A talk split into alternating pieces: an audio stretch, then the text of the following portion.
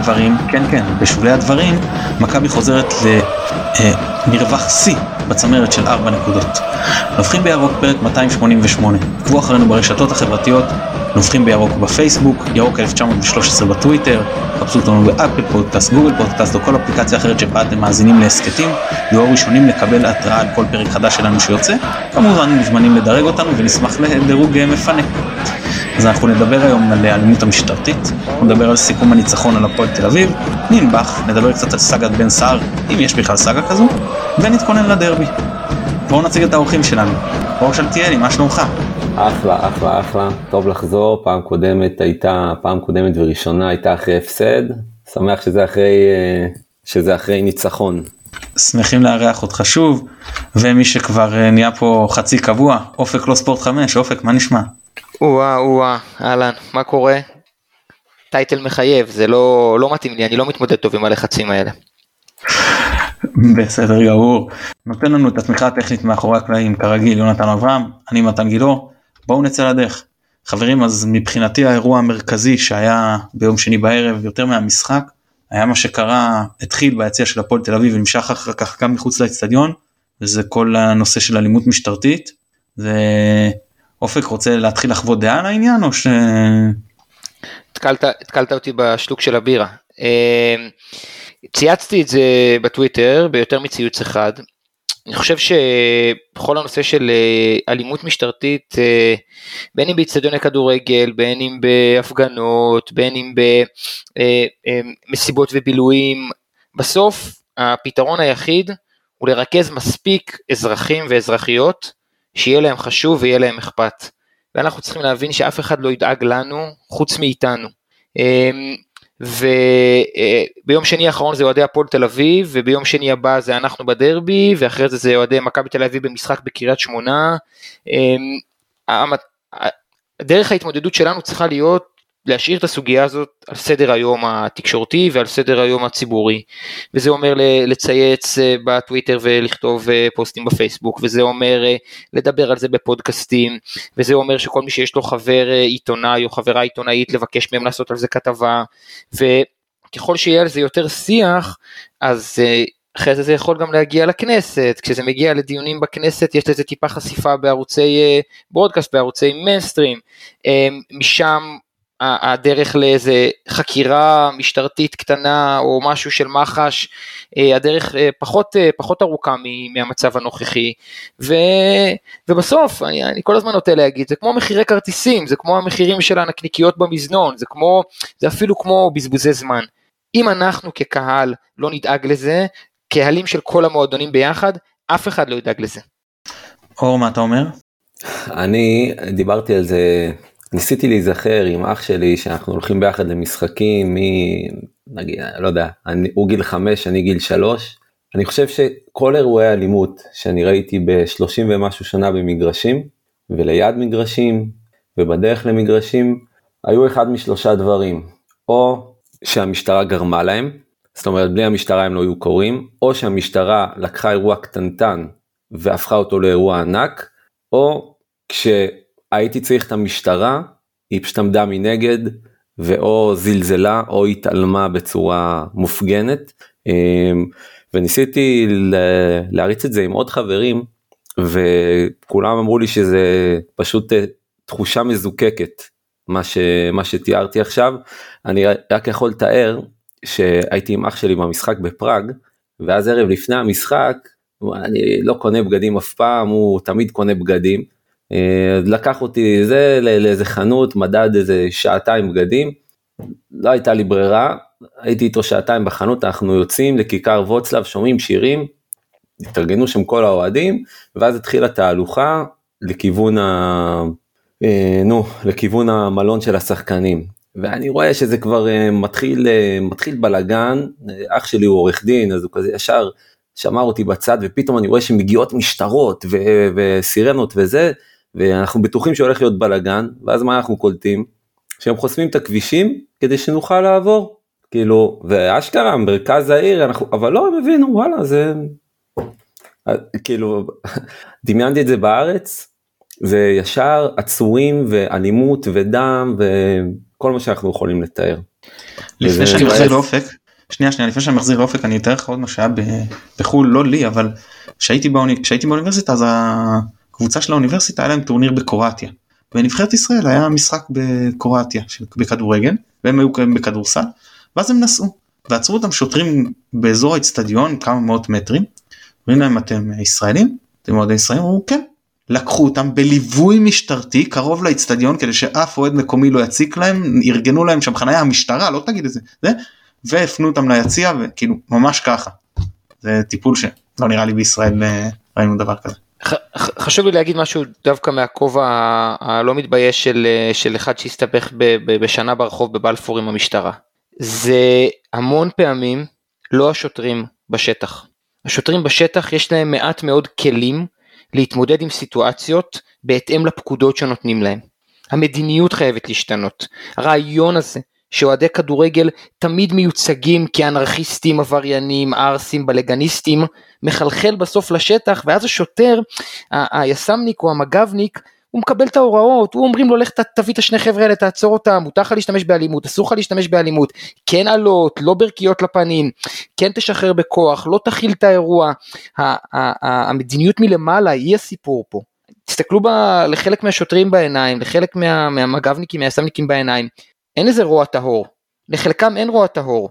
אה, על כל אה, עבד נהרני אחד כזה מאוד מאוד מוכר יש הרבה מג"בניקים שעושים את מה שאומרים להם או יס"מניקים שעושים את מה שאומרים להם וזה מה שהם מכירים. עכשיו אם אנחנו רוצים לנסות לשנות את זה זה לא יעזור לעבור שוטר שוטר זה צריך להיות מגבוה יותר. אופק אני מקבל את זה חלקית תראה גם אני מניח שגם אתה וגם אני היינו בשטחים.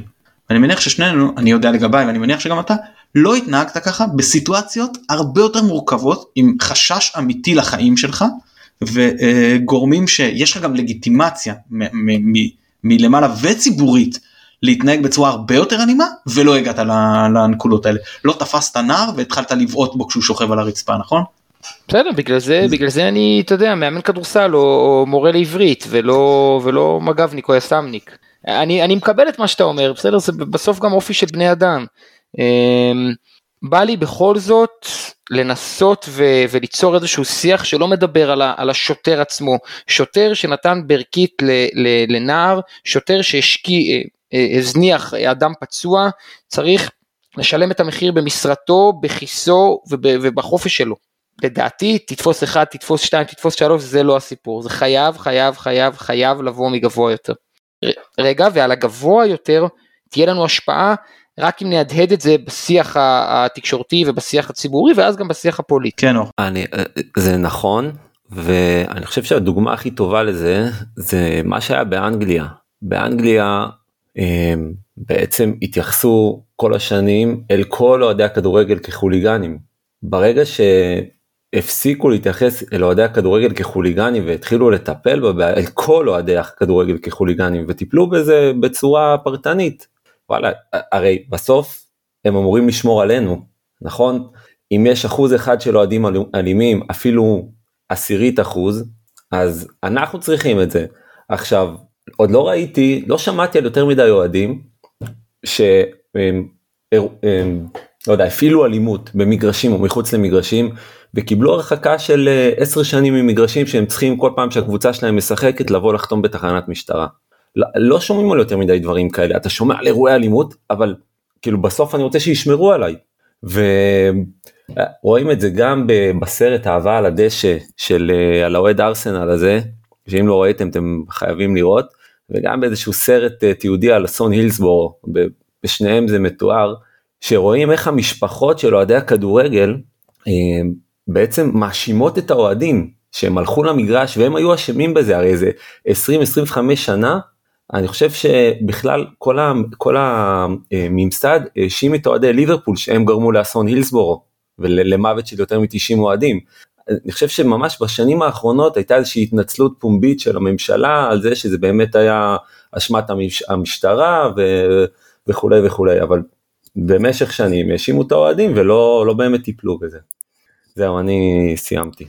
אני אשתדל לקצר כי גם היה לנו דיוני אלימות משטרה גם היה לנו פה עם עירד צפריר שבא באחד הפרקים.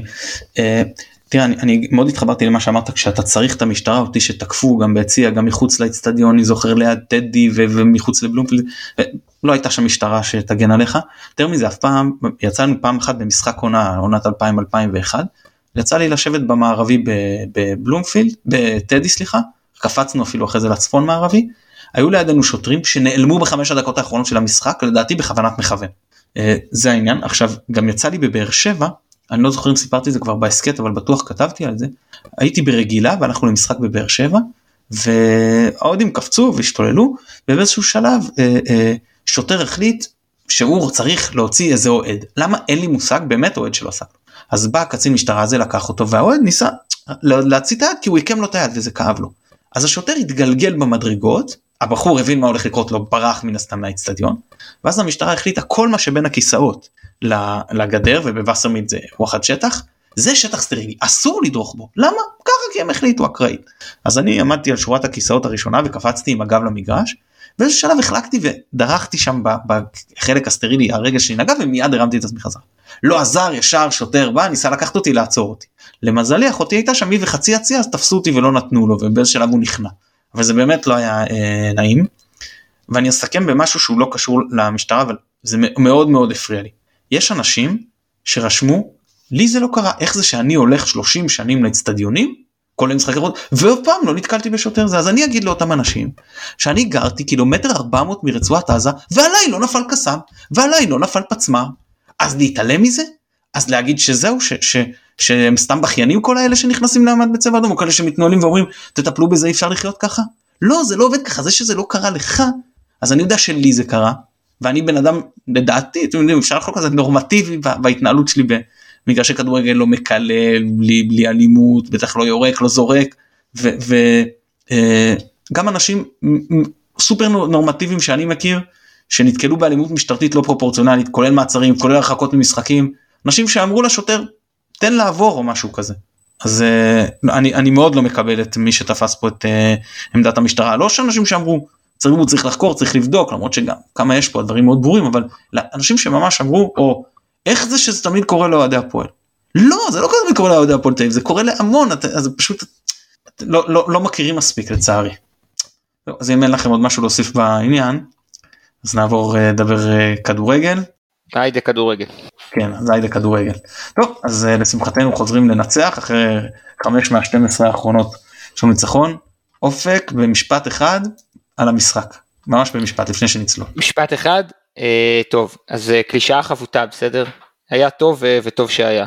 אה, אני, משפטון קטן קטן קטן, פשוט היה, היה טוב לראות את, אה, את אלפונס אה, מרווח הצידה ופותח לנו עוד אפשרויות, והיה טוב לראות את אה, דולב מנצח כמה אחד על אחד בצד שמאל ואת הקבוצה מבודדת אותו, והיה טוב לראות את שרי עולה בטירוף, נדבר על זה בהמשך, וזהו, יאללה, נקסט. אור במשפט? אין לי הרבה מה להגיד, גם אני סליחה שאני תמיד סוטה הצידה, אבל בדרך לאיצטדיון הבן שלי הרגיש לא טוב, ניסינו ללכת לאיצטדיון, חזרנו אחורה, התקפלנו, אז... אה, ואז מה, אני... באת, באת. עם הבן שלך למגרש, ואז בדרך לאיצטדיון הוא הרגיש אותו וחזרתם כן, הביתה? כן, המנוי שלי זה הבן, אני והבן שלי הוא בן תשע, ואח שלי והבת אה. שלו שהיא גם בת שמונה, ו... ואני כזה דפוק, שבדרך הביתה הוא נרדם, ואז אני עושה חישוב, שאני אומר אוקיי, אני מגיע, אני, אני, אני שם אותו במיטה.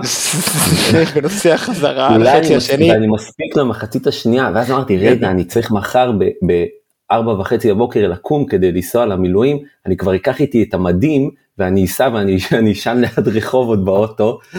ואז אני, אני מגיע הביתה והבן השני שלי מחכה לי ער, רוצה לראות איתי את המשחק. אז כבר נשארתי וראיתי בבית. אמ, כמו שאמרת, היה... לא, אתה צוחק, אתה יודע שמתן היה עושה את זה, הוא היה נוסע, ברור לך. סליחה, הוא היה מזמין מונית לבן שלו, היה מזמין מונית לבן שלו שייסע הביתה לבד ומגיע לשריקה, נכון מתן?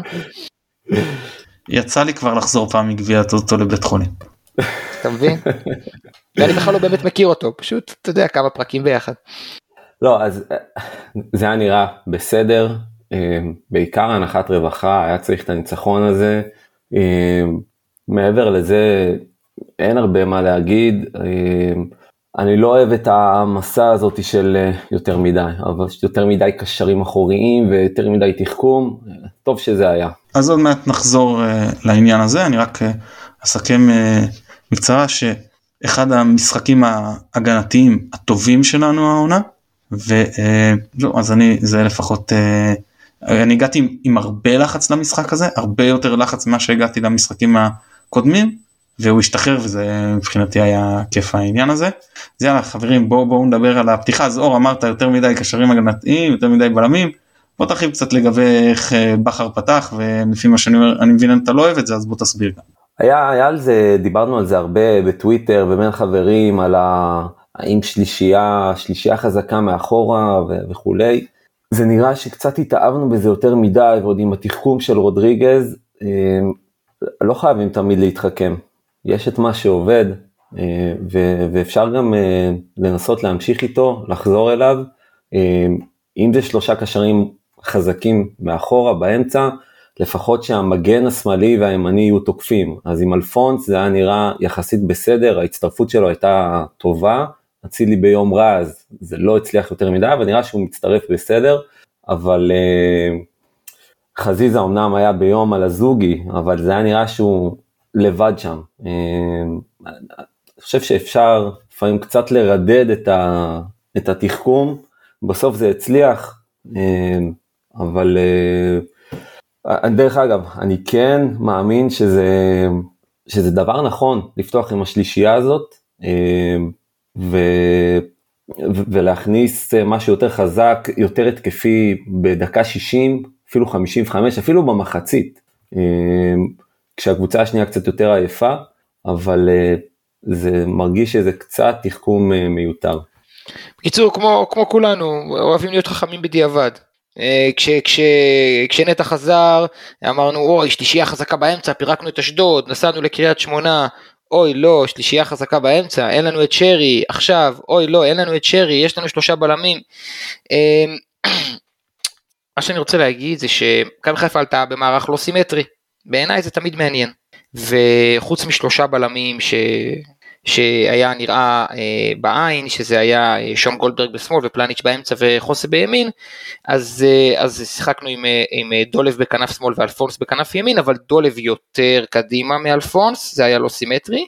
באמצע באמת עלי מוחמד היה שש, לפניו היו נטע ופאני, כמו במשחקים האחרונים, ובגלל החוסר סימטריות שדולב הוא בצד שמאל יותר גבוה מאלפונס בצד ימין, אז גם אצילי משחק יותר בצד ימין ודין דוד באמצע. האסימטריות היא גם אה, בחלק, אה, בחלק של הכנפיים וגם בחלק הקדמי. אמ, אני רוצה, אני רוצה לתת לכם את הרציונל לדעתי. זה סבבה לכם? מתן, אה, אור, זה... אני תמיד אומר שיותר מעניין ממה אנחנו חושבים שצריך לעשות זה להסביר למה בכר בחר כמו שהוא בחר. Okay. אוקיי.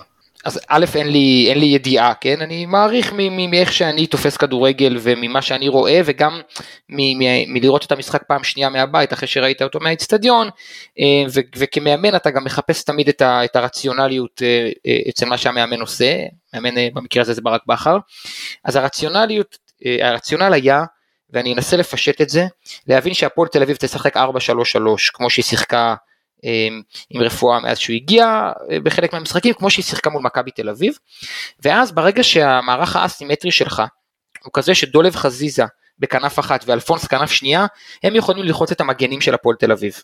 מה שמשאיר את אצילי ודין דוד ללחוץ את שני הבלמים, מה שמאפשר לשלישייה החזקה שלנו, נטע, פאני ואלי, ללחוץ את השלישייה של הפועל תל אביב באמצע, שהייתה אליאס אייזן ויאנקוביץ', זה לא משנה אם אייבינדר היה פותח במקום אחד מהם. בסופו של דבר הפועל תל אביב, בשיטת משחק הזו של מכבי חיפה, לא יכולה לתת פס. ולראיה, הפועל תל אביב לא פתחה משחק על הדשא בשום דקה במחצית הראשונה. הפועל תל אביב בעטה בחצי הראשון אפס בעיטות לשער. אני אומר שוב, אפס בעיטות לשער, לא מסגרת, לא כמעט, לא ליד, אפס בעיטות לשער. הפועל תל אביב לא הורידה את הכדור מהשוער לבלם פעם אחת. אז נכון שלמכבי חיפה היה חסר את הגרוש ללירה ברחבה, ונכון שיכול להיות שאם שרי משחק ולא נטע כמו שחלקנו רצינו, ובצדק, אז אולי אנחנו גם ניתן פה גול, אבל אי אפשר להתכחש לעובדה שהרעיון היצירתי שאיתו בא בכר, לא אפשר להפועל תל אביב לנהל התקפה אחת של כדורגל. הפועל תל אביב החזיקה בכדור 33% מהזמן בחצי הראשון, חצי מזה זה כדורים ששטקוס חיכה. עד שהוא יביא את הכדור מאחורי השער, עד שהוא יוציא את הבעיטה, עד שהכדור יעלה, זה הכל זמן שהכדור ברגליים של הפועל תל אביב. ו... הרציונל, החלק השני ברציונל, לפחות לדעתי, זה לדאוג שדוידה, השחקן הכי מסוכן של הפועל תל אביב, יקבל את שון גולדברג בלי ששון מגן. אתם מבינים? לדאוג שדוידה יקבל את שון גולדברג בלי ששון יהיה מגן, כי בעצם אפשר לפתוח עם קו 4 עופרי בלם ושון מגן שמאלי, אבל היה ברור שדוידה, שהוא השחקן הכי איכותי בהפועל תל אביב, ולמעט אצילי אולי גם הכנף ימין הכי איכותי בליגה, היה ברור שאם הוא יקבל את סאן או את חוסה או את רז, אה, ככל הנראה הוא, הוא יעשה את מה שהוא עשה נגד מכבי תל אביב, שזה לשחק כדורגל ברמה גבוהה מאוד ולקחת אותם לסיבובים. בשיטת הלחץ שלנו, שלא אפשרה להפועל תל אביב לתת פס ולהתקדם קדימה, והשאירה את שון גולדברג כחלק משלישייה מול שלישייה קדמית של הפועל תל אביב, גם לא אפשרה ל... אה, גם לא אפשרה לדוידה לקבל אף שחקן אחר. מתי דוידה עשה פריצה יפה על הקו? מול עלי מוחמד, מול חזיזה, כשזה הסתבך לו, בשאר הזמן הוא נתקל בשון, ובאמת לא הצליח לעשות כלום. אז אה, שני אלה יחד עם המחשבה, וסליחה שאני חופר, יחד עם המחשבה שניתן איזה גול בנייח, ניתן איזה גול מטעות בהגנה, ניתן איזה גול מהצטרפות מהעומק, ניתן איזה גול ממבצע אישי, ואז הקהל ידחוף ונוכל לדרוס, זו הסיבה לדעתי שבכר פתח ככה. תראה, אני רואה את זה, אני מסכים איתך ואני גם אוסיף, היו שני משחקים שבאנו לא מוכנים שהיריבה תלחץ, תלחץ אותנו וגם היינו מאוד עייפים, אה, פיזית ומנטלית, הם לחצו אותנו ולא התמודדנו עם זה טוב. ואז עברנו לשלושה קשרים. משחק אחד זה עבד מצוין, משחק שני מה שעשו זה לדלג על הקישור שלנו. פעם בכר לא ידע איך ילחצו אותנו, ידלגו על הקישור, הוא אמר אני מביא את הפתרון לשני המקרים בפתיחה. ילחצו אותי, יש לי את השלישייה החזקה באמצע, ישחקו עליי כדורים ארוכים, יש לי שלושה בלמים. פתרתי את שתי הבעיות הגנתית, הגנתית. נכון שאני מוותר פה על משהו התקפי, אבל אני קבוצת ההתקפה הכי טובה בליגה. אני יודע שמהמחזור הראשון, שהיה ממש אחרי משחק אה, קשה באירופה, אני כובש בכל משחק, ואני יודע שיש לי כלים עכשיו גם עם מאביס מאוד חזקים על הספסל. והוא עשה להם מה שהוא עשה להם בגביע הטוטו. בזיר אנפין, כי בגביע הטוטו פתחנו עם חצי הרכב. אבל עדיין, להגיע, לסחוט, לעייף את המשחק שעה, ואז להכניס כלים התקפים בוא נראה מה הספסל שלכם מול הספסל שלי ואז נכנס מצד אחד סניור ומצד השני שרי ואז אתה רואה מה כל אחד יכול לעשות מול משחק עייף ומן הסתם זה הבדל וגם, גדול. וגם אם ילחצו אותך גם אם ילחצו אותך ואתה תראה איך הפועל לוחצת אתה מתחיל עם שלושה בלמים שתמיד אפשר להניע כדור כמעט אף קבוצה לא לוחצת עם שלושה על שלושה וגם אם משהו לא ילך לך מבחינת הבילדאפ מבחינת בניית המשחק שלך אז תזיז את חוסן להיות מגן שמאלי ותשחק 4-3-3 ותתאים את עצמך למה שהיריבה עושה. הגמישות הייתה גם על המגרש. והפועל תל אביב, גם אם היא הייתה רוצה במערך שבה היא שיחקה, היא לא יכולה ללחוץ שלושה בלמים. כי יש לה רק חלוץ אחד ועוד קשר אחד ינקוביץ' שמצטרף. כן, אני אגיד, תראה, הם פתחו באמת ב-4-3-3 כמו שאמרת, כמו שהם פתחו נגד מכבי תל אביב, בגדול, כי אייזן יותר הגנתי, פתח במקום אייבינדר, אבל זה לא אותה שיטה בכלל. את מכבי תל אביב ממש לחצו גבוה, הם ניסו להניע כדור, פה שוב הם, הם שיחקו עם שלושה קשרים שהתפקיד שלהם זה לעשות הגנה הם לא שיחקו דרך לא... הקשרים האלה התקפית בכלל. רגע רגע ינקוביץ' הוא קשר התקפי הוא סופר מוכשר. גם אה, מכירים אותו מביתר. רגע רגע. אני יכול לתת את ה... אה, השנקל שלי על שפת גוף. כשנבעטה בעיטת הפתיחה של המשחק חוסר רודריגז עוד היה מגן שמאלי. לשנייה אחת. בחימום חוסר רודריגז התחמם כמגן שמאלי שמרים מצד שמאל, שרי היה השחקן ה-12 בחימום שבא לעזור לו כדי להרים משמאל ואלפונס מימין. מכבי חיפה שיחקה את המשחק, את ההצגה, את השואו שחוסר מגן שמאלי עד שהיה כתוב על השעון 0-0-0-5 ואז הזיזה אותו להיות בלם. למה אני אומר את זה? כי אני חושב שהפועל תל הייתה כל כך בשוק מזה שמכבי חיפה לא משחקת את ה-4-3-3 שתיארנו, כמו שאני צייצתי לא נכון, כמו שכולם חשבו שזה 4-3-3 עם חוסם מגן. הרי על מה היו ההתלבטויות בתקשורת? אם לפתוח עם שרי, לוותר על אחד הקשרים, מי מגן שמאלי, מי מגן ימני, תמצא לי עיתונאי אחד שאמר שנשחק שלושה בלמים. תמצא לי, תמצא לי צייצן אחד שאמר אנחנו נפתח שלושה בלמים. גם השחקנים של הפועל תל אביב היו בשוק. אני, אני, ראי, ראינו באותו משחק, אולי אור לא היה כי הוא היה בדרך הביתה, אבל היינו באותו משחק בגדול. הפועל תל אביב עמדה בהלם, שוב, לא היינו מספיק איכותיים, היה חסר לנו שחקן מקדימה, לא הצלחנו לשים את הגול, אבל מבחינת אלמנט ההפתעה והשוק של היריבה, תקשיבו, הם היו חסרי אונים. כן, בזה אתה צודק, ובאמת נפלנו על מחצית ראשונה אה, לא טובה של אצילי, למרות שבוא נשים את זה על השולחן, אה, אצילי נותן את המספרים בלי לתת משחקים שלמים טובים. אה, יש לו פתאום משחקים שכל המשחק הוא טוב, אבל לרוב זה כמה הבלחות כאלה לאורך המשחק. אמ, וכן, הסיפור הזה שיש לך חמישה חילופים, זה, זה דבר מטורף. אני לא חושב שאנחנו עוד מספיק מבינים את זה ומעכלים את זה, כי זה נמצא בכדורגל בערך שנתיים, קצת פחות משנתיים, מאז שחזרנו, חזרו לשחק אחרי הקורונה, אבל לקבוצות הגדולות והחזקות והעשירות, זה אמור לפתוח פער מטורף על הקבוצות הבינוניות והעניות, כי זה, זה לא להכניס שלושה שחקנים, זה להחליף חצי קבוצה. ואם השחקן ה-12, 13, 14, 15, 16 שלך יותר טוב בסדר גודל לפעמים, מכל שחקן ב, בהרכב של הקבוצה השנייה, ואתה יכול להכניס אותו רענן, זה דבר מטורף. אמ, וכן, זה, דיברנו על זה הרבה, חיכינו לזה כמו שאמרת מגביע הטוטו, לסיפור הזה של להתיש את הקבוצה השנייה עם קשרים חזקים מאחורה, ואז להכניס מישהו שיבוא, זה ברור, זה לא סתם שרי וגם דוניו, יש להם מספרים יותר גדולים כשהם נכנסים כמחליפים, זה, זה, זה לא, לא סתם. יודע, אני לא יודע לגבי שרי בסיפור הזה מבחינה אמפירית. לא, לא, חד לא משמעית. לא יודע גם כמה הוא שיחק בשנתיים הקודמות שלו במכבי חיפה מחליף. לא, בעונה הזאת, בעונה הזאת, אז שווה. בדיקה אפשר לתת למאזינים והמאזינות לבדוק אם אתה אומר אז אין בעיה אין, אין לי פשוט דרך לדעת. עוד פעם, לא, עוד, לא, לא הרצתי סטטיסטיקה, לא חשוף לנתונים, אבל זה סתם ב, ב, בשיחה עם הבן שלי שהוא בן תשע, אה, היום דיבר, חשבנו על זה, אה, וזה, זה, אין מה לעשות, כששחקן כזה נכנס שהקבוצה השנייה יותר עייפה, הכדורים שלו מדויקים, גם כשהוא נכנס כמחליף, הקבוצה השנייה כבר יותר עייפה, בטח דוניו, אה, עם הכוח שלו והעוצמה שלו והבלבול שהוא מכניס למשחק כשהוא נכנס כמחליף זה, זה דבר מטורף. אני כל הזמן חשבתי על אה, בשבועות האחרונים שאתה דקה 50-60 מכניס בבת אחת את אה, דוניו, שרי וצ'יבוטה ומה זה עושה לה, כאילו פתאום תחשוב שקבוצה כזאת היא קבוצת אמצע טבלה מקבלת לך כזאת שלישייה טריה בדקה 60 זה כוח מטורף. אני מסכים. אני אני גם אני גם אני גם ככל שאתה מדבר יותר אני חושב על זה ש, שגם באמת הפועל תל אביב מותשים. עמדנו ביציע ואמרנו באיזה דקה 65 בין הגולים אמרנו תראו הם נופלים מהרגליים. וגם תחשבו רגע על מאמן שמשנים לו את החוקים הבסיסיים במשחק מי שמאמן 40 שנה כדורגל מאמן 40 שנה עם שלושה חילופים במשחק ככה הוא חי ופתאום משנים לו אלמנט כזה בסיסי במשחק.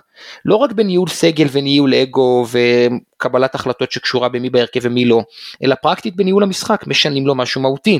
אני אתן פה איזה, איזה אנקדוטה קטנה מעולם הכדורסל, היינו בהשתלמות מאמנים לפני, אני יודע, חמש, שש שנים, ודייוויד בלאט בא להרצות לנו, ואז הוא סיפר שבעצם הוא עבר ממכבי תל אביב לקליבלנד, וכרעם ביום בהיר, שינו לו את הדבר היחידי שהוא היה בטוח בו לאורך כל החיים. וזה שכדורסל משחקים 40 דקות. כרעם ביום בהיר, הבן אדם, שינו לו את הבסיס, את היסודות, את הרעיון שלפיו הוא חי בעולם הכדורסל, וזה שכדורסל משחקים 40 דקות. וכמה זה משמעותי ואיך זה מערער אותך וכמה זה דורש ממך גמישות וכולי. כן טוב היה גם את השינוי ששינו מ-30 ל-24 זה נראה לי אבל לא, לא פחות uh, קשה למאמנים אבל כן. Uh, תראו אני חוזר לקישור שלנו זה נתון מעניין כי זה לא קורה הרבה לכל אחד משלושת הקשרים שפתרו את המשחק יש יותר עיבודים מחילוצים. זה אגב נובע מזה שהם התעסקו הרבה יותר בפן ההתקפי מאשר בפן ההגנתי. נכון, אביב לא נהיה כדור, נכון. לקו האחורי שלנו שבאמת הציג נתונים מרשימים אנחנו מסתכלים אה, אה, גולדברג ופלניץ' בעיקר עם כמות חילוצים ביחד 21 וכמובן כל השלישייה שלושת הבלמים עם, עם אה, אה, אחוזי אה, ניצחון במאבק בכלל כל הקבוצה חוץ מדוד ואצילי אולי באחוזי ניצחונות במאבקים מאוד אה, גבוהים וזה זה, זה מעודד זה גם מראה שבאו בגישה מאוד מאוד טובה למשחק ולמרות שהיה לחץ נראה לי שבאו עם הרבה ביטחון. ואני רוצה רגע לגעת, להתייחס רגע לנטע לביא, כי באמת כתלו ואמרו איך פתחו עם שרי במקום עם לביא במקום עם שרי, לפני שאני מתייחס לחילוף, נגיד א', אין מה לעשות, שחקן שחוזר מפציעה כל כך ארוכה, במקרה הטוב יהיה לא יציב, במקרה הפחות טוב הוא יהיה יציב ברמה נמוכה. אז נטע לא יציב, והיו לו משחקים יותר טובים, משחקים פחות טובים, בסדר, זה, זה טבעי, אתה רוצה להרוויח אותו בחזרה לבית העליון ולעונה הבאה, אתה צריך לתת לו זמן דשא, זמן לשחק. ואנחנו גם לא יודעים כמה שרי היה כשיר ב-100% לפתוח. ועוד משהו שבכר אמר נכון ואני מאוד התחברתי לזה במסיבת עיתונאים גם דיברתי על זה במשחק ואני מאוד אוהב גם את הגישה הזאת. שאמרו למה פתחת עם בלי שרי ועם אני לא חושב אם זה עם נטע לא משנה עם שלושה קשרים בלי שרי. הוא אומר אי אפשר לדעת איך המשחק היה מתנהל אם ההיא כן הייתי פותח. אתה לא יודע ואם שרי צריך להתעייף עכשיו בחפירות בשעה ראשונה הוא לא אה, טרי, הוא עדיין חותך כאילו בשער השני את ההגנה ככה. זה לא בטוח, הדברים לא האלה למה- קשה מאוד. למה לא- למה- למה- למה לא שיחקנו עם שרי נגד נתניה וקטמון אה, והפועל ירושלים ונתקענו? שיחקנו נו כן, בסדר. זה? אה, אה, בוא- בוא- בוא- בוא ננסה- בואו ננסה לפחות בפוד הזה ואני לא אומר את זה כביקורת על מקומות אחרים אני אומר את זה באופן כללי אם כבר אנחנו מדברים לנקות את הדמגוגיה הזאת שכל אחד פה הוא נביא.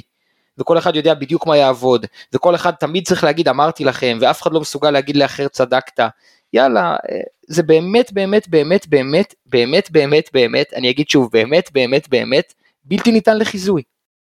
נכון, ובכר צריך לעשות את השיקולים שלו ואת ההימורים שלו. וזה יכול למשחק אחד להגיד אני עולה מאוד התקפי כי אני רוצה מהשנייה הראשונה לקחת את הריזיקה ומשחק אחר להגיד אני מנסה 60 דקות ואני מצמצם את הריזיקה שלי אני מאמין שא' גם ב-60 דקות האלה בהרכב הזה עדיין לי יש סיכוי יותר גבוה לכבוש מאשר ליריבה ואם אני מגיע לחצי שעה האחרונה אז אני מגדיל את הסיכוי של שני הצדדים. כי כן, ואם זה שון- ואם גולדברג בריבאונד של הנייח במקום לבעוט מטר מעל השער בועט הכדור לרשת מה אנחנו לא מפרקים אותם עם השלישיית אמצע הזאת? ברור שאנחנו מפרקים אותם עם השלישיית אמצע הזאת. ואם אצילי מרוכז באיזה כדור נייח או דולב לא מעיף את הכדור הצידה לגמרי אז אנחנו שמים גול ואתם יודעים איך האצטדיון מרגיש. שזה אגב נקודה אחרת שלא תכננתי להעלות אבל אנחנו כבר מדברים על זה יש תחושה כמו שאמרת שהשחקנים מאוד בטוחים בעצמם בסמי עופר. יש משהו באנרגיה, ירדנו למחצית, יצאנו לעשן כולם בחוץ, יש משהו בזה שהשחקנים, לפחות מאז נגיד סוף העונה שעברה, כשהם עולים לחצי השני בסמי עופר, הם בטוחים בעצמם.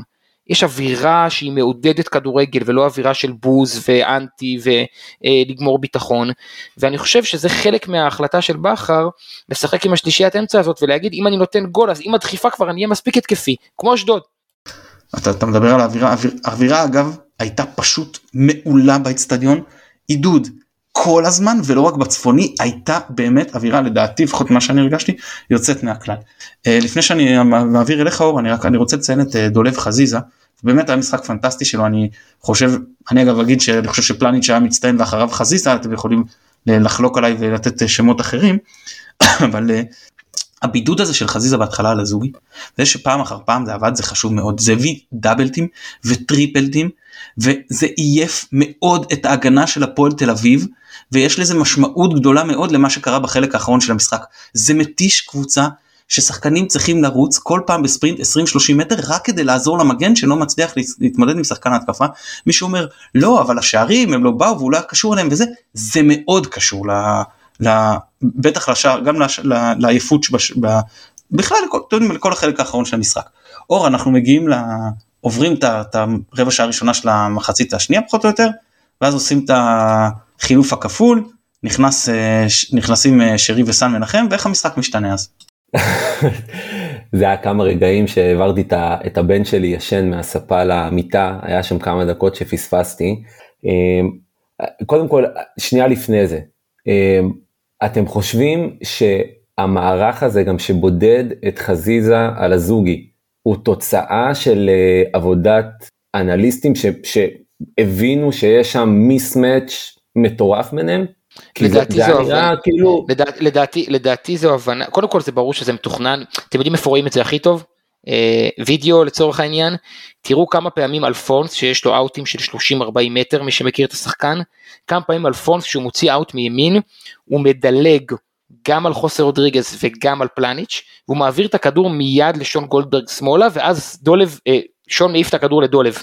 אתה רואה שהבידוד של דולב הוא לא רק בסט, הוא לא רק במשחק העומד ב build-up, הוא גם מהחוצים, וראיתם כמה קרוסים, פעם נטע העביר לשם, פעם אה, בוגדן העביר לשם, פעם עלי העביר לשם, כולם, אה, פעם פאני, כולם חיפשו את דולב בבידוד, ובעיניי זה גם נובע מתוך ההבנה שכרגע אין לך מגן שמאלי מספיק טוב שישרוף את הקו ויאגף את דולב, אז כבר בואו ניצור לדולב את האחד על אחד הזה מהריווח הטוב, אחרי שהשחקנו ימינה, כשההגנה פחות מוכנה, וגם אם היו קוראים לשחקן שם בן ביטון, זה היה נראה אותו דבר לדעתי. טוב זה כבר אה, אני אני מודה שאני בספק לגבי אני חושב שבן ביטון יותר מורגל במצבים כאלה אבל אה לא לא לא לא אותו. לא סליחה סליחה לא אומר שדולב, שדולב חזיזה היה גובר עליו ב-100% מהמקרים כמו פה אני אומר שזאת הייתה אותה שיטה גם אם בן ביטון היה פותח נראה לי. יכול להיות יכול להיות. אבל פה אתה יודע אני, אני חושב שזה בעיקר, בעיקר עשה סדר. אה, כאילו זה החזיר את הקבוצה לשחק כמו שהיא רגילה, אה, אבל שיש לה בעצם את השחקן הכי טוב שלה, שהוא טרי ורענן, והקבוצה ממול עייפה, כי השלישייה באמצע התישה אותה, והבלמים התישו, התישו אותה, אה, ופשוט חזרו לשחק רגיל, פתאום זה היה נראה רגיל, כאילו כמו, כמו מכבי חיפה, ואז אה, זה היה די ברור שהגול מגיע, כאילו זה היה, הייתה הנחת רווחה כשהוא הגיע, אבל זה, פתאום אני הרגשתי רגוע יותר, הבנתי, בסדר, אני, איך אני יכול להגיד את זה? הלכתי למקרר, הבאתי לי בירה והבאתי פיצוחים, וזה משהו שאני, אני לא יכול לעשות כשאני לחוץ, בטח לא ב-0-0 מחצית שנייה. פשוט בלי לדבר על כל מיני דברים מורכבים, משם, משם אני יכול להגיד. רק כדי לסבר את האוזן, סליחה, חזיזה עם עשרה דריבלים מוצלחים, זה המון, כאילו זה באמת משהו דאבל נכון, נכון, אגב נכון, גם, נכון. גם מדברים תמיד על הדאבל דאבל של אצילי אבל דולף חזיזה יכול להגיע לטריפל דאבל העונה. כאילו של שערים בישולים וצהובים הוא לא רחוק משם. ואפרופו אם אני צוחק אז, אז, אז זה חוסר תכנון של הצהובים כי אם הוא היה מקבל צהוב במשחק הזה הוא היה נהדר מהגביע. עכשיו זה קצת חבל כי הוא ייעדר ממשחק ליגה. אה, הוא יכל לקראת הסיום הוא החזיק כדור לזרוק על הרצפה אבל, בד, אבל בדיעבד אני אומר חזיזה לא יעבור דרבי בלי צהוב אז הוא ייעדר מנוף הגליל כנראה.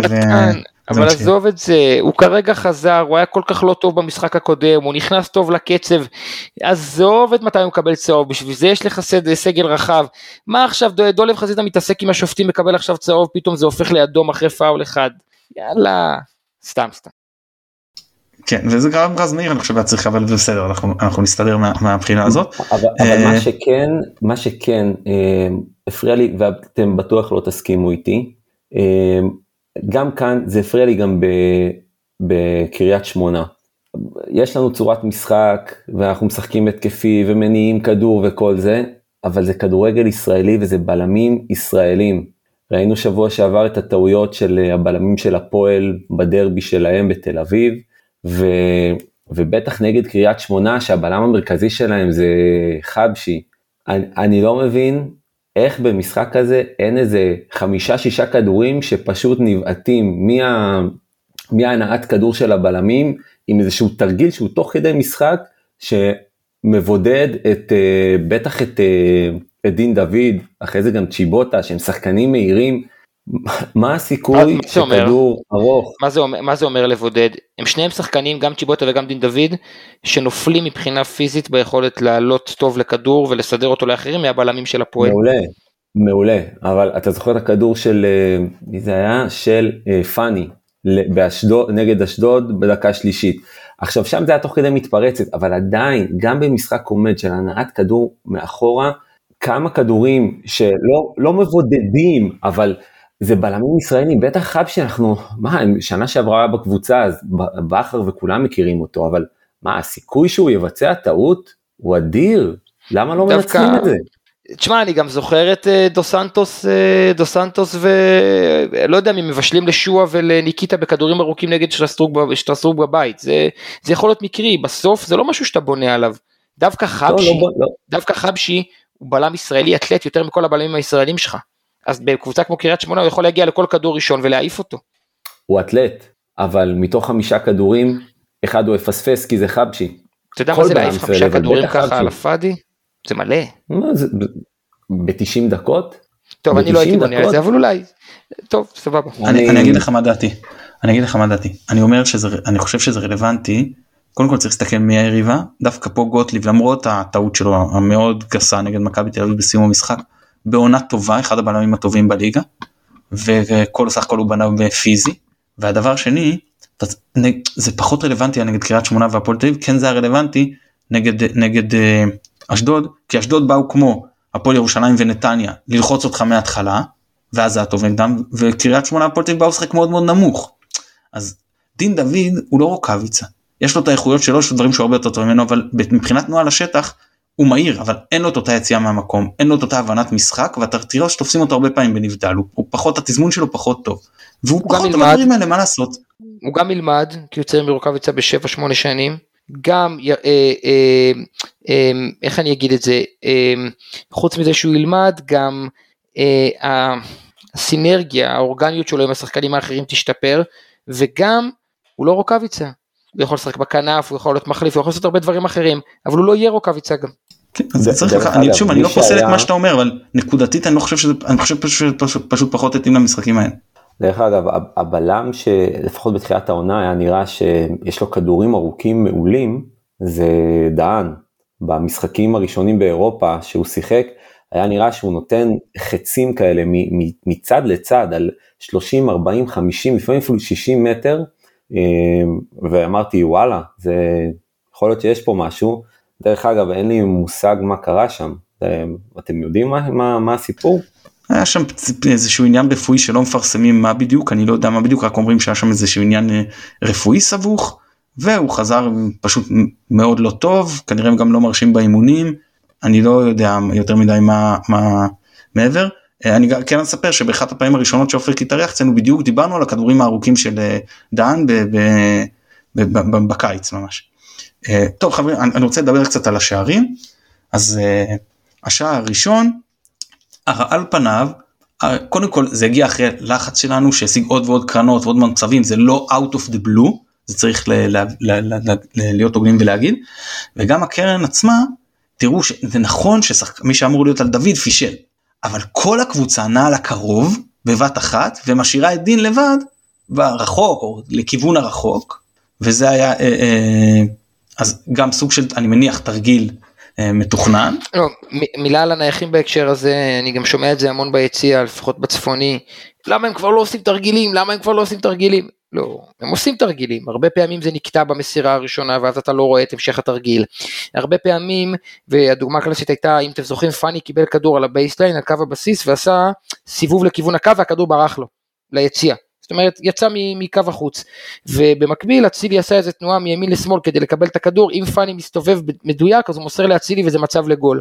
אז הרבה פעמים מכבי חיפה עושה תרגיל אבל בגלל שזה נתקע בחלק הראשון אז אנחנו לא רואים את המשך התרגיל.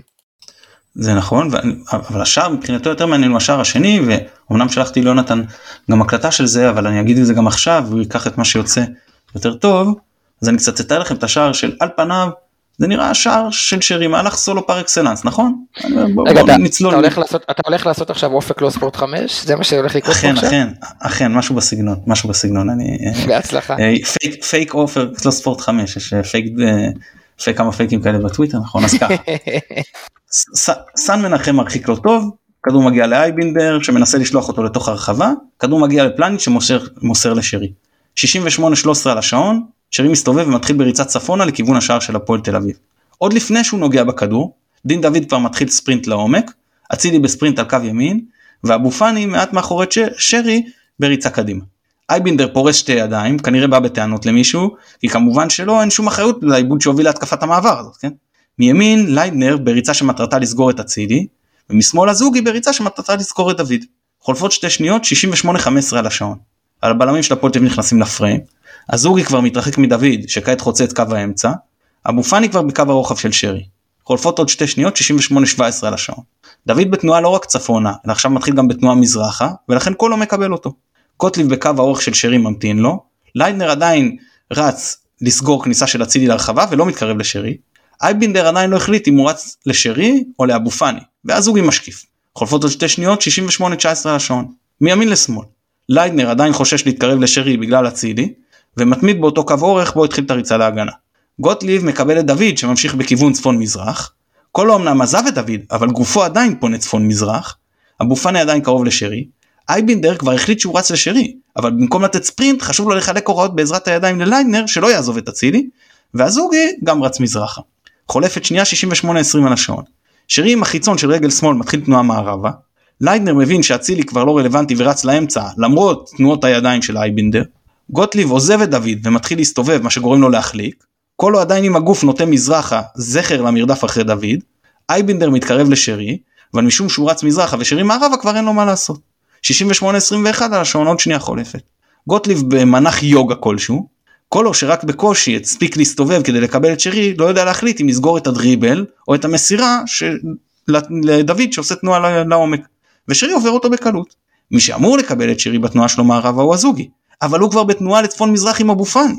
חולפת עוד שנייה 68-22 על השעון. הכדור יוצא מהרגל של שרי, ארבעה אדומים, אייבינדר, קולו, גוטלי וליידנר, שבמהלך שבע השניות האחרונות התעסקו גם בשחקנים אחרים, צופים בו ממזרח. הזוגי מבין שכבר אין טעם לרדוף אחרי אבו פאני, אבל לא מצליח להספיק, לה, להגיב מספיק מהר, והכדור עובר לו בין הרגליים. חולפת עוד שנייה 68-23 על השעון, הכדור קופץ מאית שנייה לפני שהוא פוגש את היד של שטקוס ונכנס לשער, מומחיות שיש לשרי, הוא עשה את זה בטרנר, הוא עשה את זה גם נגד חדרה, טכניקת בעיטה עילאית שקופצת רגע לפני שהשוער נוגע עם היד בכדור ומשבשת לו את האפשרות לעצור אותו. שער קבוצתי שבלי שלוש, שלושת השחקנים off ball סביר להניח שלא היה נכנס. בואו נסכם על כל אחד איך כל אחד מהם משפיע. אצילי, ליידנר שנשאר בכיוון שלו עד שלב מאוחר של ההתקפה ואייבינדר שמסתסק בהוראות לליידנר. כדי שלא יאפשר לאצילי לקבל את הכדור. דוד גורם אה, לקולו ולגוטליב תנועה מזרחה ומקשה עליהם להיערך לתנועה של שרי מערבה וגם יוצר אופציית מסירה שקולו צריך להתלבט אם לסגור. אבו פאני גורם לאייבינדר לחוסר החלטיות בתחילת ההתקפה ומושך את הזוגי בסופה שגם לא יכול לקבל את שרי וגם לא מספיק להגיב לביתה ועוד מסתיר קצת לשטקוס. שמונה שניות ארבעה שחקנים להקליט את ההתקפה הזאת ולשלוח לבתי הספר לכדורגל. ואם אתה מסתכל רגע, רגע, על רגע. השלוש שניות האחרונות מה, שנש... מה שנשאר לך זה להגיד שאתה מתנצל על החפירה. לא, לא, לא, להפך, אני, אני אעשה מההקלטה הזאת מיני הקלטה ואני אשמע אותה לפני השינה. זה היה ממש, אה, ממש סיפור הסכת יפה, מיני תסכית יפה, אבל דיברנו על דין דוד והנבדל, תשימו לב שבזמן אמת, מה ששרי היה צריך לעשות זה להשחיל שם כדור מטורף לדין דוד, ודין דוד בנבדל של בין חצי מטר למטר, בכל השלוש ארבע שנות האחרונות של המהלך הזה ששרי צריך לתת לו את הכדור. הוא, תשים לב על זה, ת, תשים לב כשאתה משדר את זה פעם הבאה, תסתכל על, ה, על המהלך הזה, מרגע שדין דוד מגיע לרחבה, אפילו קצת לפני, הוא כבר בנבדל. ושרי בקלות משחיל לו שם כדור, היה לו הרבה יותר קל למסור לדין דוד מאשר לבעוט, וגם הוא בעט, היה סיכוי גדול, שטקוס נגע בזה, היה סיכוי גדול שזה יגיע לדין דוד, אם הוא היה בועט את הריבאונד, זה היה נבדל ונפסל. אני, אני את הפנס שלי בגול הזה שם על, על טכניקת הבעיטה של שרי. קצת בדומה לעומר אצילי, יש שחקנים שיש להם ברגליים משהו שאין לאחרים. שרי בעט בעיטה, של למעט עומר אצילי, כל שחקן אחר בקבוצה, אם הוא בועט אותה עם הרגל החזקה שלו, היא לא נכנסת. עזבו ימין או שמאל, היא פשוט לא נכנסת. ושרי, הטכניקה שלו כל כך טובה, והבעיטות שלו כל כך חדות כש, כשהולך לו, שהכדור קופץ בדיוק על פית השנייה לפני ששטקוס מגיע אליו.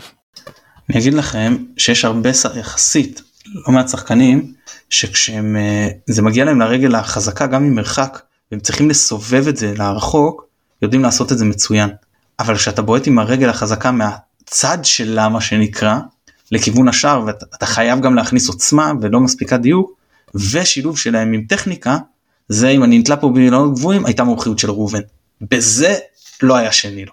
אני איתך. זה מזכיר פה את שרי מאוד. ראובן עובד כן? סתם.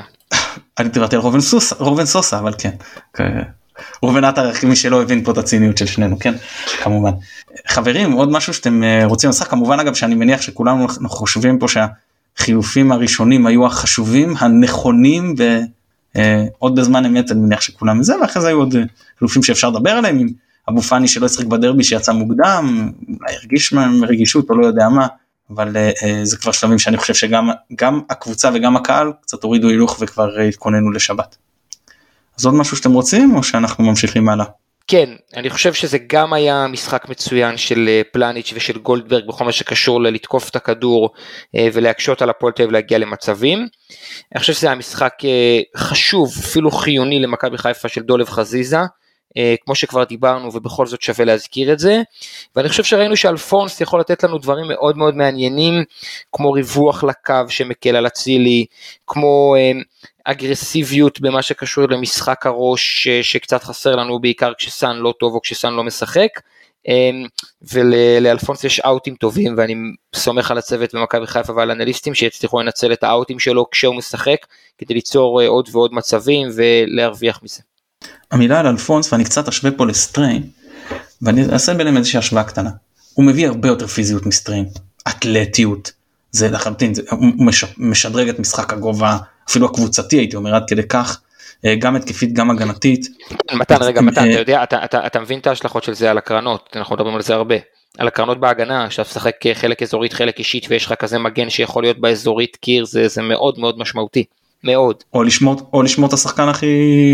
לא, לא, זה, זה בדרך כלל ליריבה, אם סאן, זה דווקא, אם סאן לא כן, נמצא. זה דווקא, לא, אבל סאן, סאן גם אף פעם לא שמר אישית. מי ששומר אישית זה בדרך כלל פאני, אה, רז מאיר, שחקנים אה, מוצקים, חזקים. אה, באזורית, כשכדורים, רוב הכדורים הולכים לאזורית לנגיחה, אז שחקן כמו אלפונס, בין אם הוא עומד ראשון או בין אם הוא עומד אחרון, זה מאוד מאוד משמעותי. סליחה שקטעתי אותך. מאה אחוז. אה, אז אה, הוא מוסיף הרבה תנועה על הקו, הוא אה, עובר שחקנים על המהירות. מה שכן מרגיש לי טיפה פחות טכני, פחות הבנת משחק, אבל זה, זה מאוד מוקדם, כן, זה קצת קשה לשפוט משחקן משחק אחד, הוא לא נכנס לאמצע כמו סטריין ועוזר לנהל את המשחק, לא נראה את זה אה, ככה מהבחינה הזאת, והוא גם פחות אחראי, הוא מאבד, אנחנו, אנחנו רואים זה שישה איבודים, לפי מה שאני זוכר נכון שניים וחצי שלנו, אה, תראו זה לא מעט. אבל בואו זה, זה באמת משחק ראשון. ו- כן נכון, ו- רגע מתן, הוא לא נקי עם הכדור, כן, הוא לא נקי עם הכדור כמו סטריין, סטריין יש לו טכניקה של, של קשר, זה, זה לא אותו שחקן. אה, אני כן הייתי רוצה, הייתי רוצה לבקש מעצמי ומהקהל קצת סבלנות, אז קרוס אחד הלך לא טוב, ואחד הלך בינוני, ואחד הלך בסדר. לנשום, לנשום, לנשום, לא קרה כלום, לא צריך לחשושים, לא צריך חלילה בוז, לתת לשחקן להיכנס לעניינים בקצב שלו.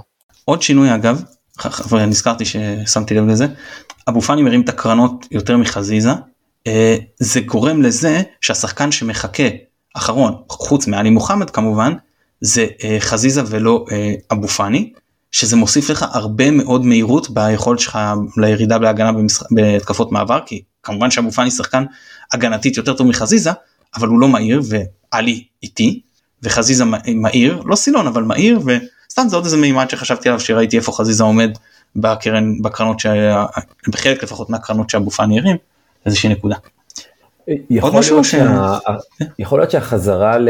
לא החזרה, לא יודע מתי היינו, אבל זה שיש עכשיו במשחק הזה, מחצית שנייה בעיקר, פשוט מרימים קרנות בלי תרגילים, זה קשור לזה שסן מנחם חזר שהוא נוגח טוב, ואלפונס שיחק שהוא נוגח טוב, הרי ה... כל התרגילים האלה בנייחים, אני לא חושב שזה מגיע מאיזושהי תפיסת עולם מוצקה שבנייחים חייבים תרגילים, זה יותר פשוט כי למכבי חיפה יש שחקנים נמוכים, נוגחים לא מאוד uh, טובים ואגרסיביים, וחייבים לעשות תרגילים כדי איכשהו לרווח את, ה, את הרחבה ולאפשר uh, נגיחות יותר פשוטות או מצבים יותר פשוטים. יכול להיות שנראה את זה פשוט יותר, uh, הרבה פחות לא- תרגילים לא, עכשיו. לא למיטב ידיעתי ולאיך שאני מבין ודיברתי עם אנשי מקצוע גם אנליסטים וגם uh, צוות מקצועי בקבוצות בליגת העל um, זה נכון שמכבי חיפה קבוצה נמוכה ודיברתי על זה הרבה פעמים וזה גם נכון שהשחקנים הכי יצירתיים שלהם לא אתלטים מבחינת משחק ראש כמו שרי, אצילי וחזיזה uh, אבל הסיבה שעושים תרגילים זה באמת קודם כל כדי לייצר מצבים מתוך הקרנות ולאו דווקא כי אתה נמוך. Um, עוד משהו שאמר לי איש מקצוע בליגת העל, זה שאתה לא באמת יכול להכין יותר משתי קרנות בימין ושתי קרנות משמאל מראש. יש גבול גם כמה השחקנים מסוגלים לזכור, ואז אתה יכול לתת איזה רפרש, איזה, איזה רענון במחצית של עוד קרן אחד מימין, בבאה בימין, בבאה בשמאל, אבל כשכמו במשחק הזה יש לך פתאום שלוש קרנות בדקה, אז מה אתה עכשיו תעשה לי תרגיל שתכננת ואת הקודם לא עשית ואת זה כן, אתה מבין מה אני אומר אור? זה הרבה כן. פעמים בקרן השלישית בתוך דקה אתה כבר מרים את הכדור לרחבה, כי מה עכשיו תדבר בין השחקנים תקבע, זה לא מה שתיאמת מראש, זה כן מה שתיאמת, היה חילוף, לא שמת לב. בקיצור זה, זה פחות זה. כן אבל אתה אומר לא נראה את אבו פאני עומד בקרן ועושה ככה, כמו רכז. לא עושים הרבה ככה, אתה יודע למה. לא, אבל זה דורש. תחכים אותי. אתה נשאר רק עם יד אחת שיכולה לעזור ליד השנייה, יד אחת מכדררת והיד השנייה רחוקה מהכדור. עדיף לתפוס אותו בחולצה, זה יותר קרוב לכדור. המאזינים לא רואים מה אתם עושים אז אתה עושה תרגיל כיפה לפי מה שאני זוכר מהקצ"ל של נווה אור בכיתה ד'. של נווה אור אתה מבין כל אחד והכיפה שלו הוא עושה הד ראש. כן. טוב חברים בואו נתקדם אז הגענו לשלב הנביחות. אור רוצה לנבוח? כן אני לא יודע אם זה נביחה קטנונית אז קודם כל אני אתן את הנביחה של אח שלי שנבח על זה של הפרק היה באיחור הפרק מוקלט באיחור של יום והיום ברכבת לא היה לו את הפרק להאזנה. אז זה הוא. אני נובח על החנות של הקבוצה. זה חנות ממש מבאסת.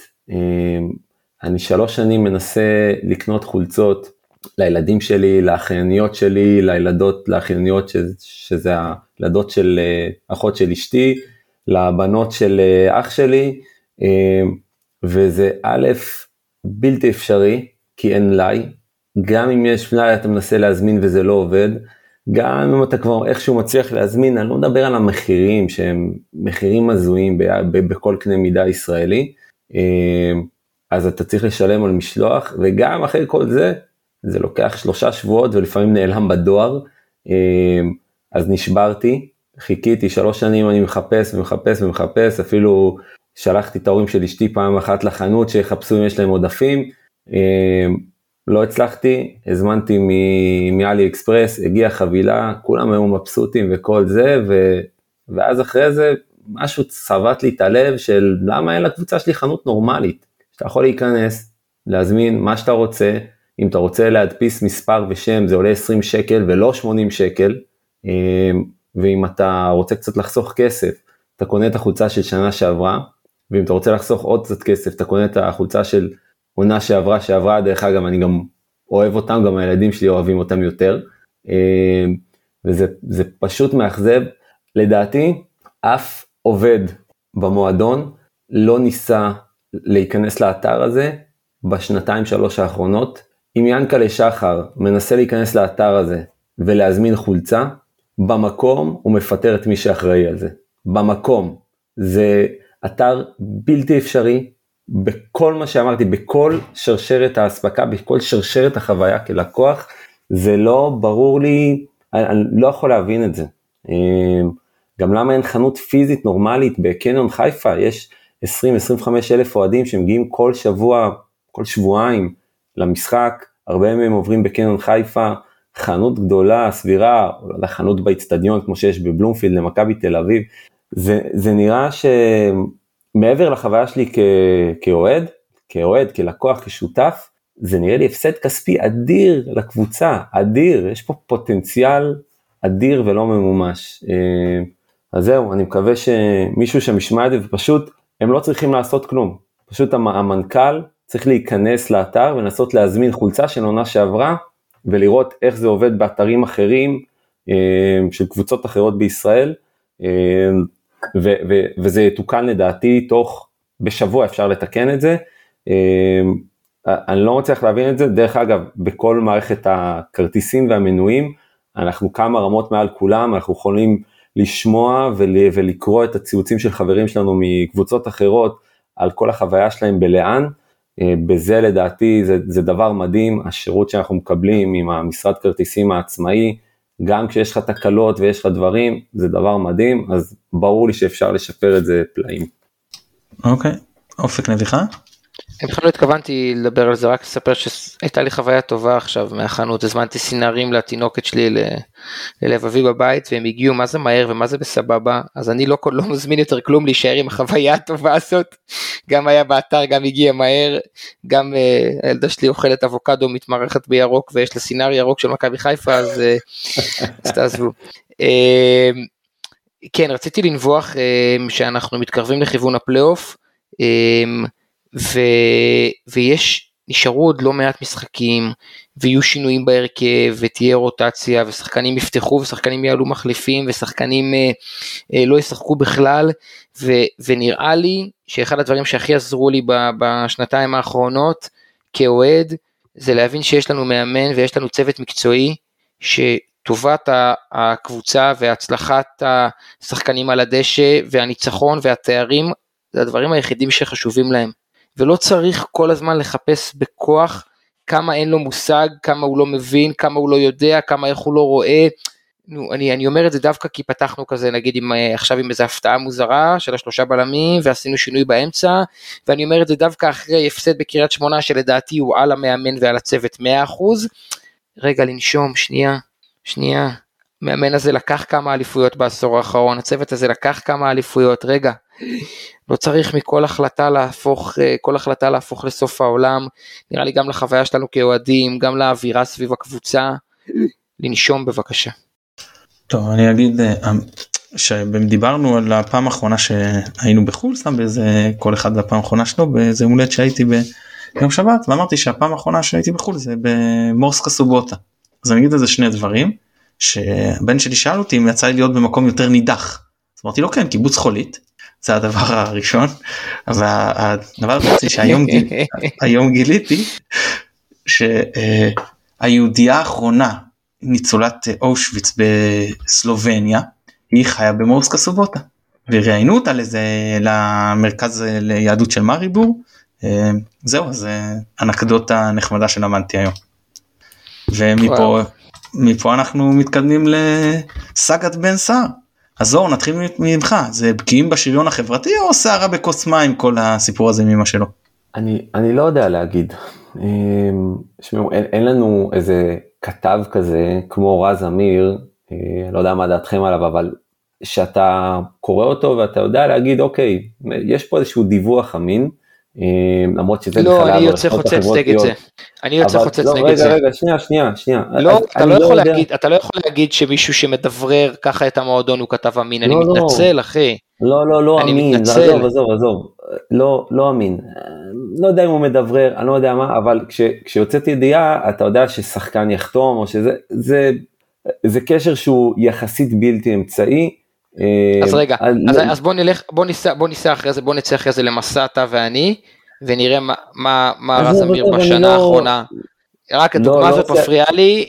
אה, אה, אה, עיתונאי- סו קולד שבא מהפורום שלהם הוא לא עיתונאי, עזוב, לא משנה, סליחה. עזוב, נו, אנחנו, לפחות לגבי אה, החתמות, מי מגיע, מי זה, עזוב, לא, לגבי מה קורה בפנים, אני אף פעם לא אהבתי את זה ולא אוהב את זה. מה שכן, אה, אותי זה, גם פגשתי אותו בחזרה מהטיסה, מהטיול בפראג, וקשקשתי אותו חצי דקה. נראה לי שלפחות אז, גם המצב שלו לא היה כזה טוב, עוד לא היה לו שער אפילו. אה, חברתית היה נראה שהוא מאוד מאוד מחובר, גם דיברתי איתו, הוא היה נראה אחלה.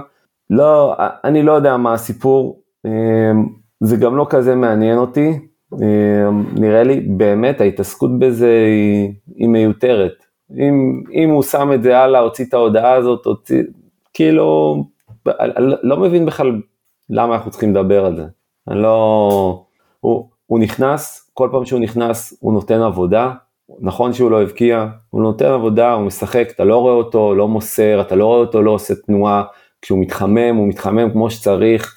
דווקא הפוך, אני מאוד מאוד מאוד מעריך אותו, שהעונה הזאת הוא לא מצליח להבקיע, הוא לא מצליח לתת את המספרים, אבל כשהוא עולה, הוא משחק כמו שצריך. זה נכון לא מסכן פה כלום בין באמת צודק שהוא כאילו זה נראה לך אמיתי שהוא אומר שהם לא מסכימים או שיש אמת במה שבאתי אומרת ונעשה לו עוול והוא מרגיש קצת אה, עצוב. אני אגיד, אני אגיד את מה שלמדתי על בשרי כלא ספורט 5, יש אירועים, יש סיטואציות, יש אנשים שככל שאתה מדבר עליהם יותר, אתה רק מגדיל אותם. אין סיבה לדבר על זה. התקשורת תחפש כותרות ומחפשים שמכבי חיפה אה, אה, תביא קליקים ורייטינג אז אה, מעלים את הפוסט שלה בפייסבוק, עזבו את זה, למה? אוקיי אני רק אגיד ברשותכם בקצרה שעם הסיפור של השתי דקות שהיא דיברה על זה שלא מכניסים לשתי דקות וזה אני מבין את איך היא רואה את זה כחוסר כבוד אני דווקא רואה את זה כיש פה שחקן ואנחנו נותנים לו פרמיה על ניצחון על כלום אני לא מדבר על מצב שצריך אותו עכשיו וזה ואז זה לגיטימי שהוא נכנס ולא חשוב לכמה זמן אני מדבר במשחקים גמורים פרמיה אחלה שיקבל את הכסף יגיד אה, תודה. טוב אה, יאללה אז בואו נתקדם באמת לאירוע הכי מעניין וגדול מבחינתי זה להגיד של השבוע אבל בינתיים שזה של שנת 2022 וזה הדרבי. אז אה, אופק אתה רוצה להתחיל קצת לספר לנו על הפועל שחקנים מערך שיטה כן, האמת שראיתי את הפועל חיפה 90 דקות נגד מכבי תל אביב אה, במשחק האחרון שלהם, משחק שכל מי שרוצה להתכונן לדרבי מבחינה מקצועית שווה לו לראות. אה, אמנם מכבי תל אביב התחילה עם אה, מערך יהלום של אה, ארבעה קשרים באמצע, והפקירה את דן גלאזר, משהו שכנראה לנו לא יקרה, וקרסטייץ' המאמן שלהם עבר במחצית ל-4-4-2 קווים, משהו שבכר כנראה לא יעשה, ובכל זאת, כדי להבין מי זו הפועל חיפה, זה משחק מצוין, מצוין, מצוין לצפייה.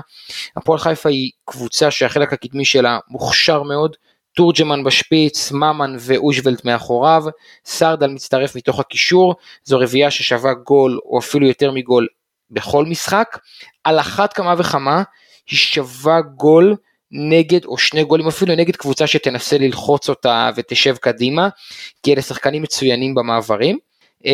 סיו טורי עלה 6, אה, אני חושב שסיו טורי הוא פוטנציאל מבוזבז, שחקן שלנו, אה, שהעמדה האידיאלית שלו היא 8, קצת כמו גדי קינדה כזה, מי, ש, מי שמכיר, מי שזוכר, אה, אני לא אגיד גולסה, אולי זה להתעלות באילנות גבוהים, אבל סיו טורי שיחק 6, ובעצם סרדל שיחק לפניו, את, אה, סרדל שיחק לפניו את ה-50-50 היותר התקפי וגל הראל את ה-50-50 ההגנתי יותר, מגנים תוקפים, גם דור מלול בימין וגם טוויטו בשמאל, בלמים היו והבה ואנטוני, אה, זה 4-3-3 התקפי, שאני חושב שאם אה, הם ישחקו נגדנו ככה פחות או יותר, תהיה לנו בעיה גדולה בכל מה שקשור לירידה להגנה ובלא לשלם על טעויות קטנות אה, ובמצבים שהפועל חיפה תגיע אליהם. גם בחמש אחד שניצחנו בסיבוב הקודם, הפועל חיפה הגיעו למצבים, מציע ללכת לראות לפחות את התקציר. אה, החלטה אחת יותר טובה, דיוק אחד יותר בביתה, הם שיחקו שם בלי תורג'מן, אנחנו מגיעים שם ל-1-1, אנחנו מגיעים שם ל-3-2 ואנחנו מסתבכים הרבה יותר ממה שנדמה לנו. משחק הגנתי אה, חלש מאוד שלנו זה היה.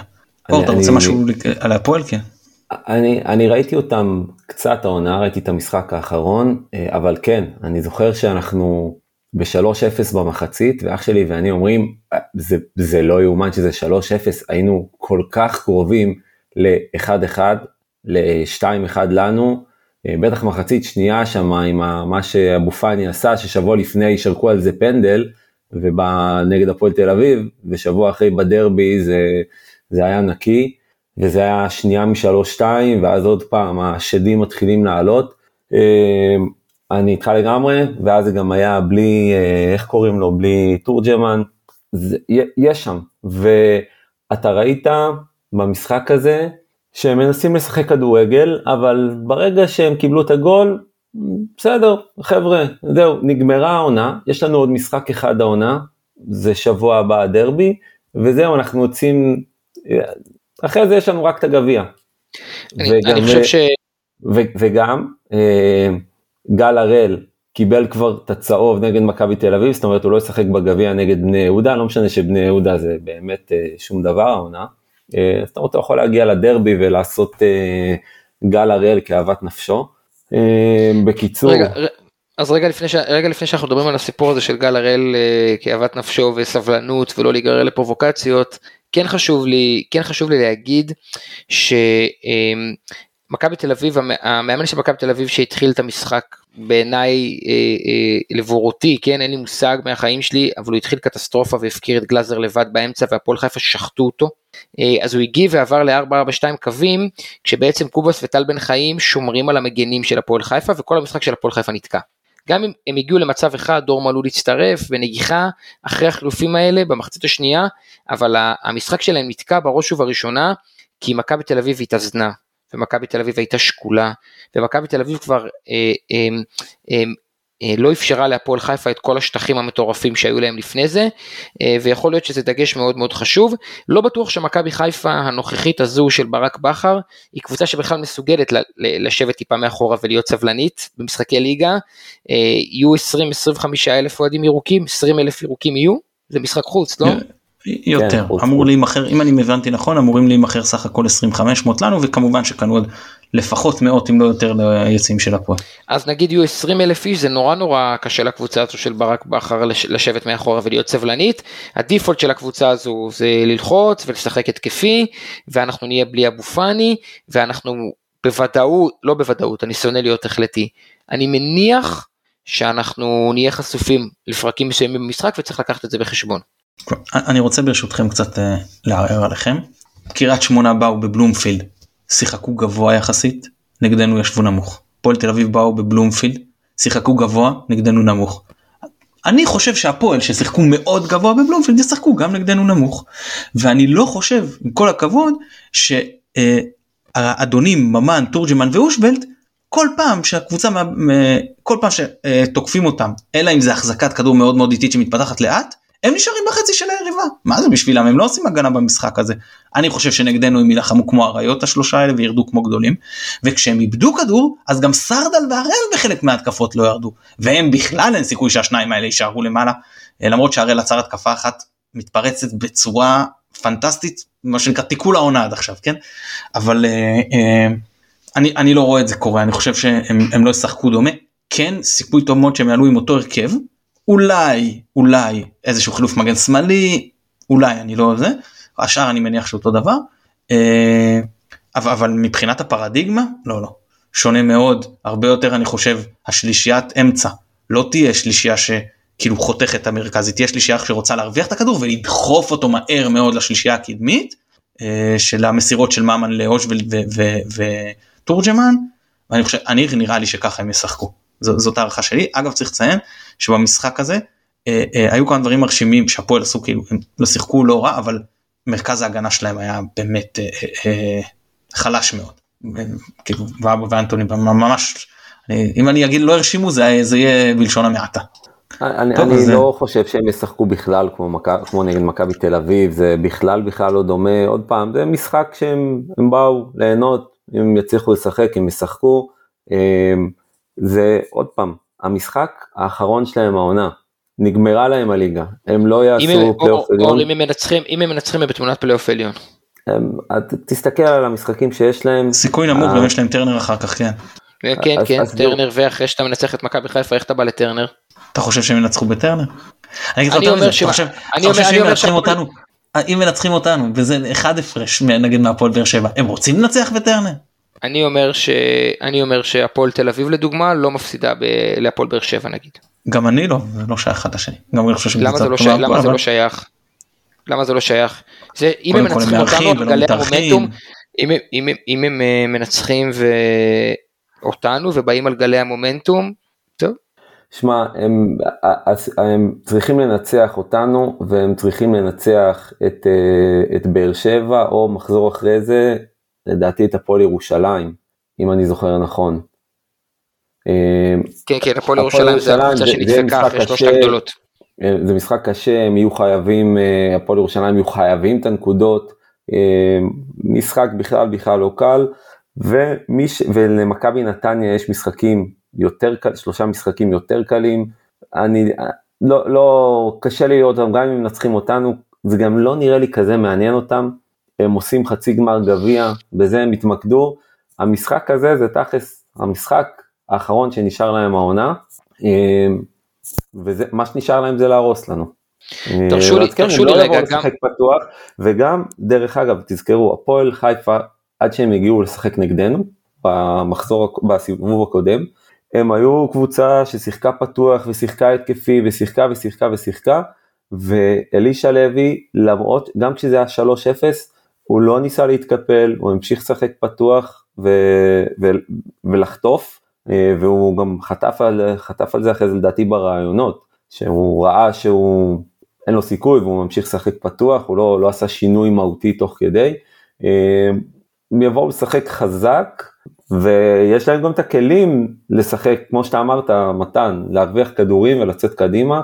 זה משחק שנצטרך בו המון המון המון המון סבלנות מכל הסוגים של הסבלנות, גם סבלנות של הגול יגיע, אה, לשחק גם אם נחטוף את הגול, גם אם נחטוף את הפרובוקציות האלה, אמ, באמת להיות מאוד מאוד מאוד רגועים, גם האוהדים, זה 20 אלף, 22 אלף אוהדים שרגילים לבוא למשחק של מכבי חיפה, שהאיצטדיון ערוך להם, האיצטדיון ערוך לקבל כל שבוע את ה-20, 25, 30 אלף אוהדים של מכבי חיפה, איצטדיון של הפועל חיפה לא ערוך לזה, יהיו תורים יותר ארוכים, יהיה בידוק אחר. זה, אני אומר את זה באמת, אפילו אנחנו צריכים לבוא יותר רגועים. לא אני, כי אני עשיתי איזושהי פדיחה, אמ, אבל הבן שלי ואח שלי יהיו. אמ, אני צריך לשלם על הפדיחה, אז אני לא אהיה. טוב, רגע לפני שנצלול לתוך המערכים, זה, אני מאוד מסכים איתך, העניין המנטלי פה וכל הסיפור הזה, אה, יכול לשחק הרבה מאוד אה, תפקיד כאילו סבלנות אני רק אגיד שסבלנות במשחק זה לא אומר לשחק לאט. כן? כי הרבה פעמים אנחנו רואים שאפשר לשחק מהר ולדחוף קדימה ולשחק בלחיצות מה, מהשנייה הראשונה. אז אור בוא תתחיל אתה מה ההרכב שלך ליום שבת. אור אל תגיד לי שאתה פותח בלי פלניץ' זה התפקיד של, אה, של מתן. אני, אני חייב להגיד לכם שאני מאוהב בשון גולדברג. אה, אני, אני עדיין לא הבנתי אם, הוא, אם זה הדבר האמיתי או לא, אבל uh, מאז שפגשתי אותו בפראג, והוא, uh, ביקשתי ממנו לצלם סרט שבת שלום למשה זיאת מציון שלוש, והוא זרם איתי, אז אני לגמרי מאוהב בו. אני חושב שנפתח uh, רגיל כמובן, ג'וש כהן, פלניץ', uh, שון, מימין אני חוזר לרז, שמאל סן מנחם חוזרים לבסיס, אה, בלי התחכום, בלי איזשהו משהו, אה, זה, אלפונס אמנם נתן משחק טוב, אבל נתן 90 דקות פעם ראשונה אחרי הרבה זמן. נטע, עלי מוחמד, שרי ושלישייה קדמית סטנדרטית, אצילי, חזיזה ודין דוד. אה, בלי תחכום, חזרה על הבסיס. אני... כן, אני כן עולה עם אלפונס בימין ואני עולה עם רז מגן שמאלי. אמ, ואני עולה באמצע עם אה, עלי מוחמד 6 ועם אה, מחמוד ג'אבר 8 אה, ועם שרי 10 ואז שלישייה קדמית רגילה. אני חושב שזה משחק שהכושר הגופני של מחמוד ג'אבר, היכולת שלו לעשות רחבה לרחבה זה קריטי בטירוף. אני חושב שנטע צריך, צריך לנשום, צריך לעלות מחליף. אה, ואני חושב שאלפונס אחרי שהוא נתן 90 דקות פעם ראשונה צריך לתת את ה-90 דקות פעם שנייה ורז לא שיחק ורז הוא אחד השחקנים שאנחנו הכי סומכים עליו בהגנה זה מאזן את זה יפה אה, ופה סיימתי. טוב אני אגיד את שלי אז כהן אלפונס פלניץ' גולדברג מנחם רודריגז מוחמד לביא חזיזה אצילי דוד ואני מסביר קודם כל אגב אני חי מאוד מאוד בשלום אני וגם אני מתלבט על ה trade הזה של לביא שרי. רגע אתה באת, גם לפתוח עם שרי. באת, באת להטריל אותי אחרי הסיפור של בוגדן עכשיו אתה גם לא עולה עם שרי בדרבי? שנייה שנייה שנייה. עכשיו בוגדן זה הרוטציה פה השיקול הוא קצת אחר אבל שנייה. מה שאני אתה מדבר על הטרלה אז לפתוח מבחינתי עם ג'אבר במקום רודריגז זאת הטרלה. מה? סתם זה לא הטרלה. אתה צריך שמונה שעושה רחבה לרחבה. אני צריך באמצע, אני צריך את הקשרים הכי טובים שלו, את השחקנים הכי טובים שלי מבחינתי עם לעמדה ולעמדת השש, אתה, אתה יודע שאני חושב שרודריגז הוא השש הכי טוב שיש לנו, בטח בכושר הנוכחי של אה, לביא, ושאני עולה מול כזאת שלישיית קישור, שאני מאוד לא מזלזל ואני תופס מהשלישיית קישור של הפועל, אני לא, אני, אני עולה עם מישהו קשוח באמצע שמבחינתי זה, זה רודריגז, ואני חושב שתראה אם אני מסתכל כבר קדימה, נגיד לנוף הגליל בית"ר ירושלים מבחינתי זה נו ששרי פותח במשחק. דווקא במשחק כזה עם שלישיית קישור כזאת שתעשה עליו לחץ מהשנייה הראשונה תתמקד בו בעיקר כי אנחנו יודעים שאלי מוחמד לא מאיים על השער ואני מניח שגם חוזר רודריגז אני מניח אני לא יודע שבכר כן יעדיף את חונר רודריגז על ג'אבר שהוא גם לא כל כך מאיים על השער ותהיה פה התמקדות מאוד גדולה בשרי כי אם אני צריך לנחש לנחש כן? אז יפתחו רודריגז מוחמד ושרי בלי נטע לביא למרות שאני כן רואה אפשרות של לביא מוחמד וש... ורודריגז באחד מעמדות ההגנה כן? סתם אני מנסה לנחש כרגע. ואז יהיה לחץ מאוד גדול על שרי ואני חושב שקצת יוציאו לו תמיץ מוקדם ואם המשחק אה, לא זורם לנו מההתחלה אז כן יכול להסתבך כשאין לך את אה, שרי ושוב העניין של להכניס אותו מח... עם פתיחת המחצית השנייה דקה 55 אפילו משהו כזה זה משהו שמאוד מוצא חן בעיניי לסוג משחק כזה נקודתית גם לדרבי גם אני אני בניגוד אליך כן מתחבר למה שהוא אמר אני כן חושב שזה המשחק אם לא היחיד זה הכי חשוב שנותר להם כרגע עד סוף העונה ואני גם חושש כן בעניין הפיזי פה שיבואו מהרגע הראשון לפרק ואני גם רוצה במידה מסוימת לשמור על שירי בעיקר על הסיפור הזה באמצע הרי המגנים שלהם זה חבר'ה עם אוריינטציה יותר התקפית אז פחות חושש פה לחזיזה ואצילי זהו אז, אז זה ההרכב שלי. יש לי הטרלה. כן.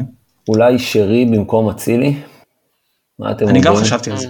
אני חשבתי על זה. כל הליגה כל כך מתכוננת לאצילי בצד ימין שלנו. אני חשבתי על זה משיקולים אחרים של מתישהו אצילי יצטרך לנוח. חבל שבפודקאסטים אין תמונה כי היינו מעבירים את הגלגול עיניים של אופק. לא לא. מה פתאום אצילי ינוח בגביע next.